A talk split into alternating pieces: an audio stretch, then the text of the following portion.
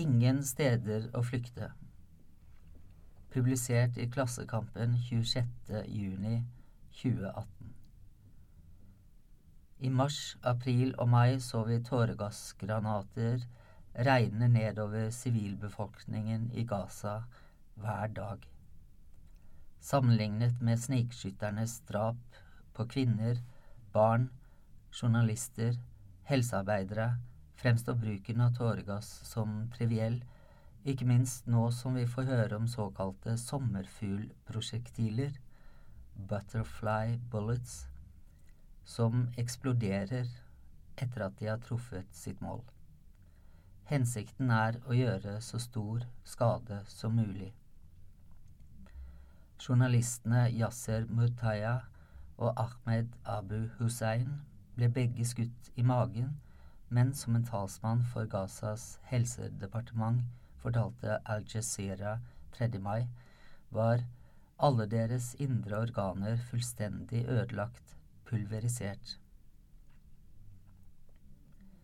Like fullt er det viktig å dokumentere alt det andre som skjer også, for mens foreldre i Gaza sørger over sine drepte barn, brenner bosettere palestinske oliventrær, og militæret jevner beduinlandsbyer med jorda for å få plass til enda flere bosettere. Den som snakker om etnisk rensning, forstår ikke at den så vidt har begynt. Nylig fremsatte et av partiene i Benjamin Netanyahus regjering et lovforslag som vil gjøre det straffbart å fotografere eller filme israelske soldater. For vår del spiller det kanskje ikke noen rolle lenger. De som kommer etter oss, vil uansett holde det mot oss at vi visste tilstrekkelig og ga blaffen allikevel. Human Rights Center ved Universitetet i Berkeley i California publiserte i januar 2018 rapporten No Safe Space om israelernes bruk av tåregass mot palestinere i flyktningleiren Deishe og flyktningleiren Aida utenfor Betlehem, begge opprettet som en følge av israelernes utrenskninger i 1948. Her lever flyktninger i fjerde generasjon uten realistiske muligheter til et liv i frihet enn si til noen gang å vende hjem. I rapporten betegnes begge leirene som slumområder med høyere befolkningstetthet enn de tettest befolkede byene i verden. Det fremgår ikke direkte av rapporten hvorfor akkurat disse to leirene er valgt ut. Beboere i flere flyktningleirer i de okkuperte områdene har meldt fra om tåregassangrep to til tre ganger i uken, i noen perioder hver eneste dag. Beboerne i Deishe og Eida hevder at angrepene i tillegg ikke er direkte relatert til politiske spenninger, fredelige eller voldelige protester eller steinkasting. Iallfall forstår de ikke hvorfor de blir angrepet. Ikke noe av det vi gjør spiller noen rolle. Hvis vi holder oss i ro, bruker de tåregass. Hvis vi protesterer, bruker de tåregass. Noen av beboerne mistenker soldatene for å bruke tåregass når de kjeder seg. En video publisert 2.3.2018 viser et palestinsk par som løper nedover en vei med en baby i armene. Lenger opp i veien kommer noen soldater slentrende nedover og en av dem kaster en tåregassgranat etter paret, mest for gøy, virker det som. Videoen ligger på YouTube under tittelen Israeli police fire tear gas at couple holding infant. Tåregass brukes normalt til militære øvelser, til selvforsvar og for å spre hissige folkemengder under demonstrasjoner. Den vanligste typen er CS-gass, oppkalt etter amerikanerne Carson og Stoughton, som i 1928 var de første til å syntetisere den. Gassen skaper svimmelhet, milde til moderate pustevansker, samt en brennende følelse i øyne og på hud, i nese og svelg. Derfor er den, som Wikipedia skriver, velegnet til å skape en sterk distraksjon og et ønske om å flykte hos dem som blir utsatt. Man kan vanskelig tenke seg en legitim bruk av CS-gass i det sivile samfunn med mindre det finnes et akutt behov for å spre en folkemengde som ellers kunne ha satt seg selv og andre i fare. CS-gass er et kjemisk våpen som er forbudt i krig. Rapporten fra Human Rights Center støtter seg på undersøkelser i de to leirene i august 2017 og påpeker at tåregass ikke er det eneste kjemiske våpen israelerne bruker.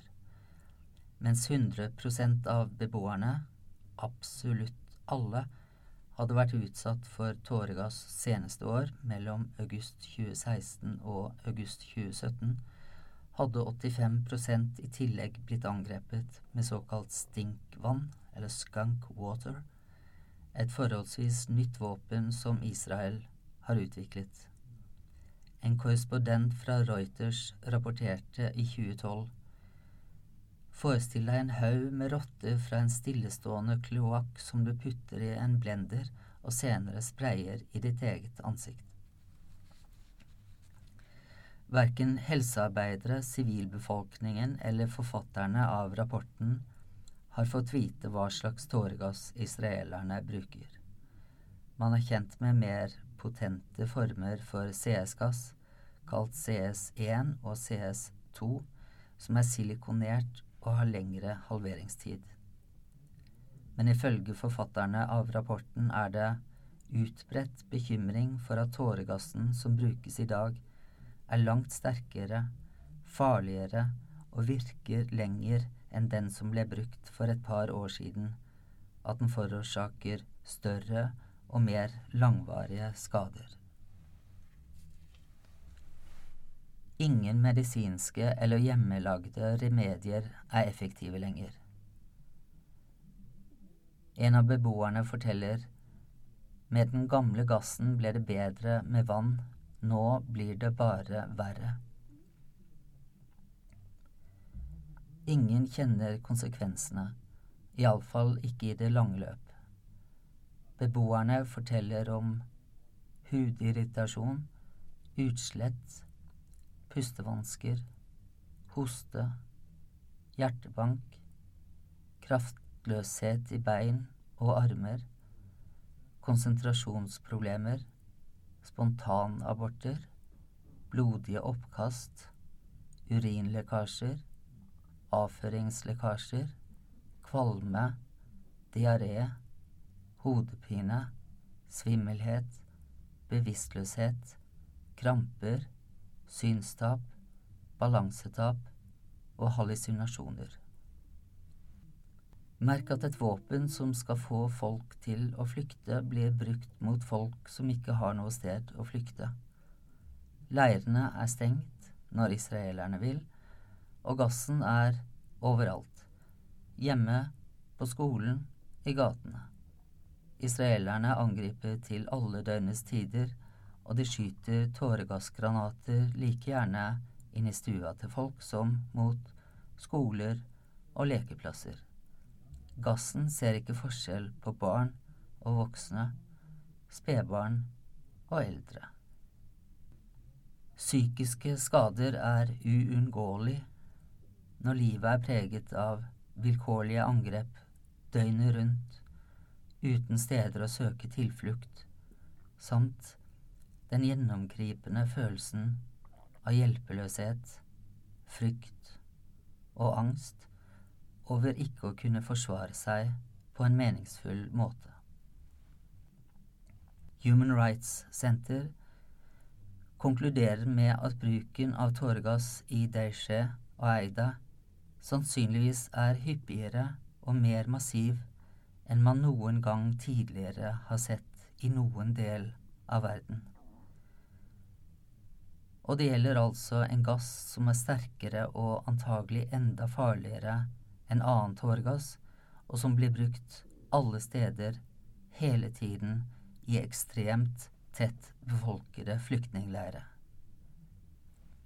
Flyktningene ser ikke annen orden i angrepene enn at soldatene ofte kjeder seg og skyter tåregassgranater inn i folkemengder like adspredt som vi andre sjekker telefonen mens vi venter på bussen. Soldatene angriper hvor som helst og når som helst, også med sjokkgranater og gummikuler og vanlig ammunisjon og stinkvann som det kan ta uker å bli kvitt. Human Rights Center synes det hele minner om en strategi der flyktningene skal lære seg hjelpeløshet. Med såkalt tillært hjelpeløshet forsvinner ethvert. Det blir ingen frisk av. Yngre menn i Deishe og Eida sier at israelerne skyter tåregassgranater mot jenter for å vise at mennene deres ikke klarer å beskytte dem.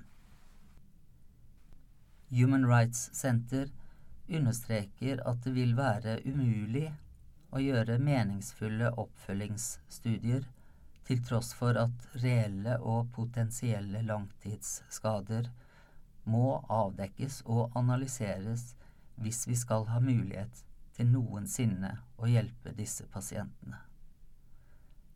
Men det er for risikabelt å identifisere dem. Drøye 5 av flyktningene tør ikke å oppsøke helsehjelp fordi de dermed kan bli identifisert. Frykten er godt begrunnet, for israelerne har flere ganger reidet sykehus og konfiskert pasientjournaler. Israelerne skyter forresten også tåregassgranater mot sykebiler. I oktober 2015 publiserte Al Jazeera en video av en israelsk jeep som nattestid kjører sakte gjennom gatene i Eida. Over høyttaler sies det klart og tydelig, på arabisk, Vi er okkupasjonsstyrkene. Dere kaster stein, og vi vil angripe dere med gass til dere dør, alle sammen. Barn, ungdom, eldre, dere kommer til å dø, alle sammen. Vi kommer ikke til å la noen av dere leve. De palestinske flyktningene i og Aida vet at de kommer til å dø i fangenskap, og de vet at deres barn kommer til å dø i fangenskap mens israelerne plager dem. De vet at menneskerettigheter er noe som ikke gjelder dem. De vet at verdenssamfunnet kunne ha gitt dem frihet og verdighet, og de vet at det aldri kommer til å skje. De vet at vi aldri kommer til å hjelpe dem.